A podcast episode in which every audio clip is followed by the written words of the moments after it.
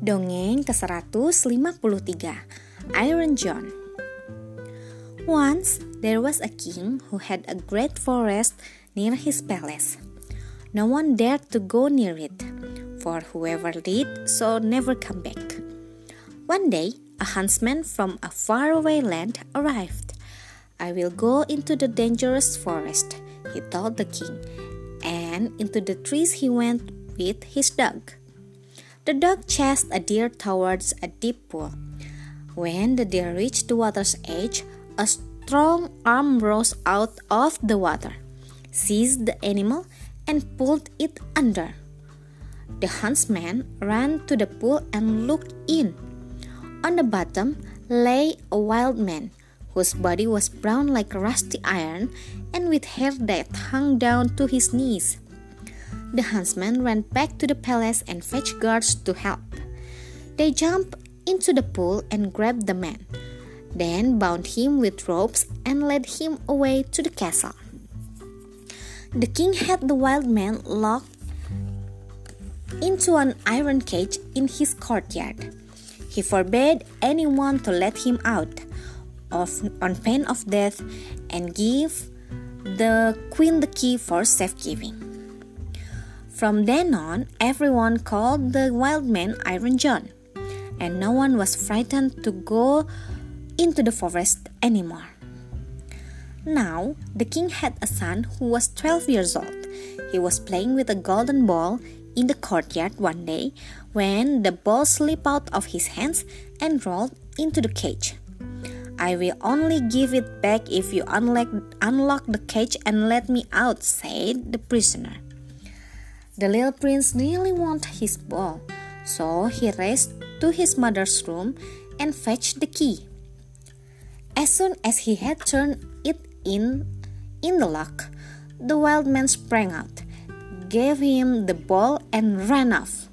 Stop! cried the little prince, who realized he was in big trouble. The wild man leaped back, scooped the boy into his shoulders, and ran off again into the forest. When they were deep among the trees, Iron John stopped and lifted the boy down. Don't be afraid, he said. Do as I say, and I will look after you. He took the little prince to a well and said, Sit here and make sure that nothing falls into it. I will come every evening to check.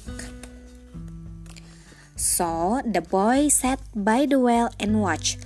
Day after day, years went by, and he made sure that nothing fell in. One morning, as he was sitting there, he glimpsed his reflection in the water. How long his hair had grown!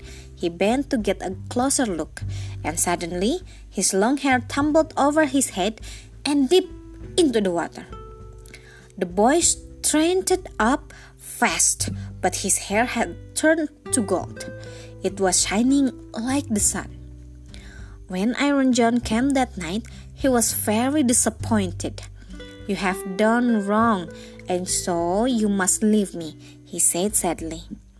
But if you ever need help, come back and call for me three times.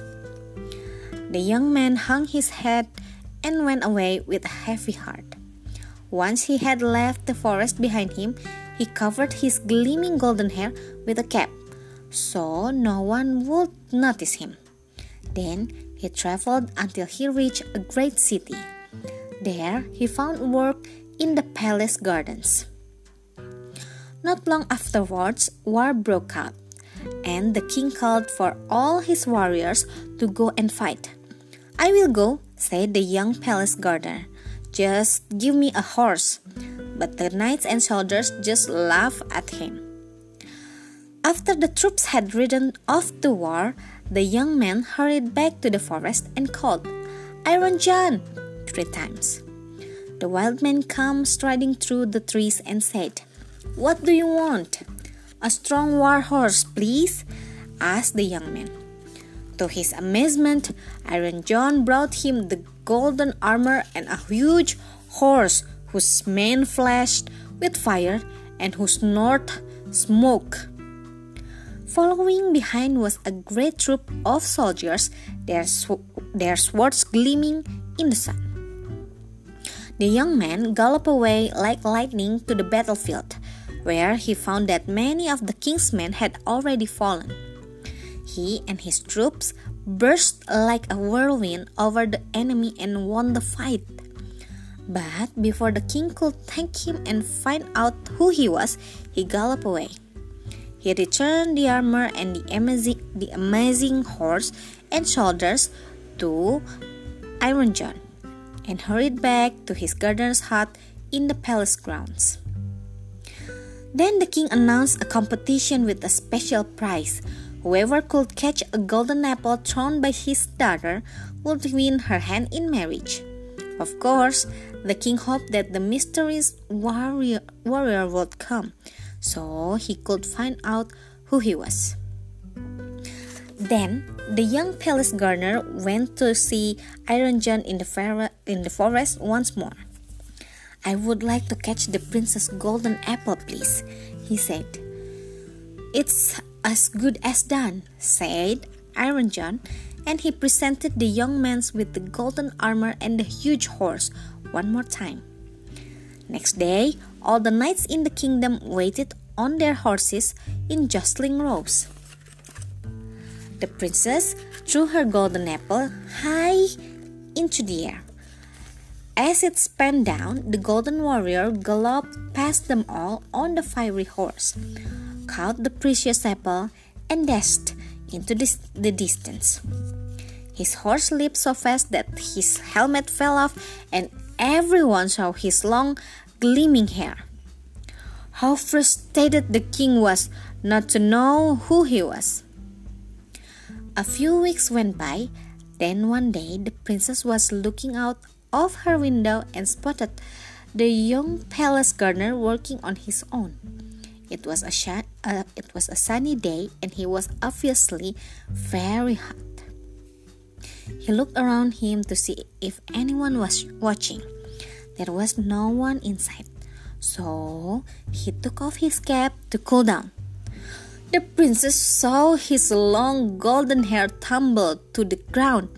She summoned him to her at once.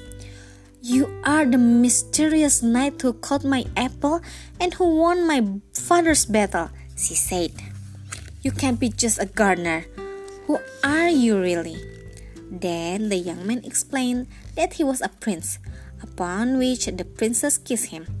I knew it, she cried, and led him to her father. A magnificent wedding was soon held for the couple, and to the prince's delight, his long lost father and mother came as guests. They were just as delighted to see him as he was to see them. Halfway through the feast, to everyone's astonishment, the music suddenly stopped. The doors opened and a mighty king stalked in, followed by thousands of soldiers. I am Iron John, he announced. I was enchanted to do to look like a wild man, but now the spell has been broken. All my riches, including my golden well, I give to you. And so everyone was happy for the rest of their days. Sekian. Terima kasih telah mendengarkan. Selamat malam.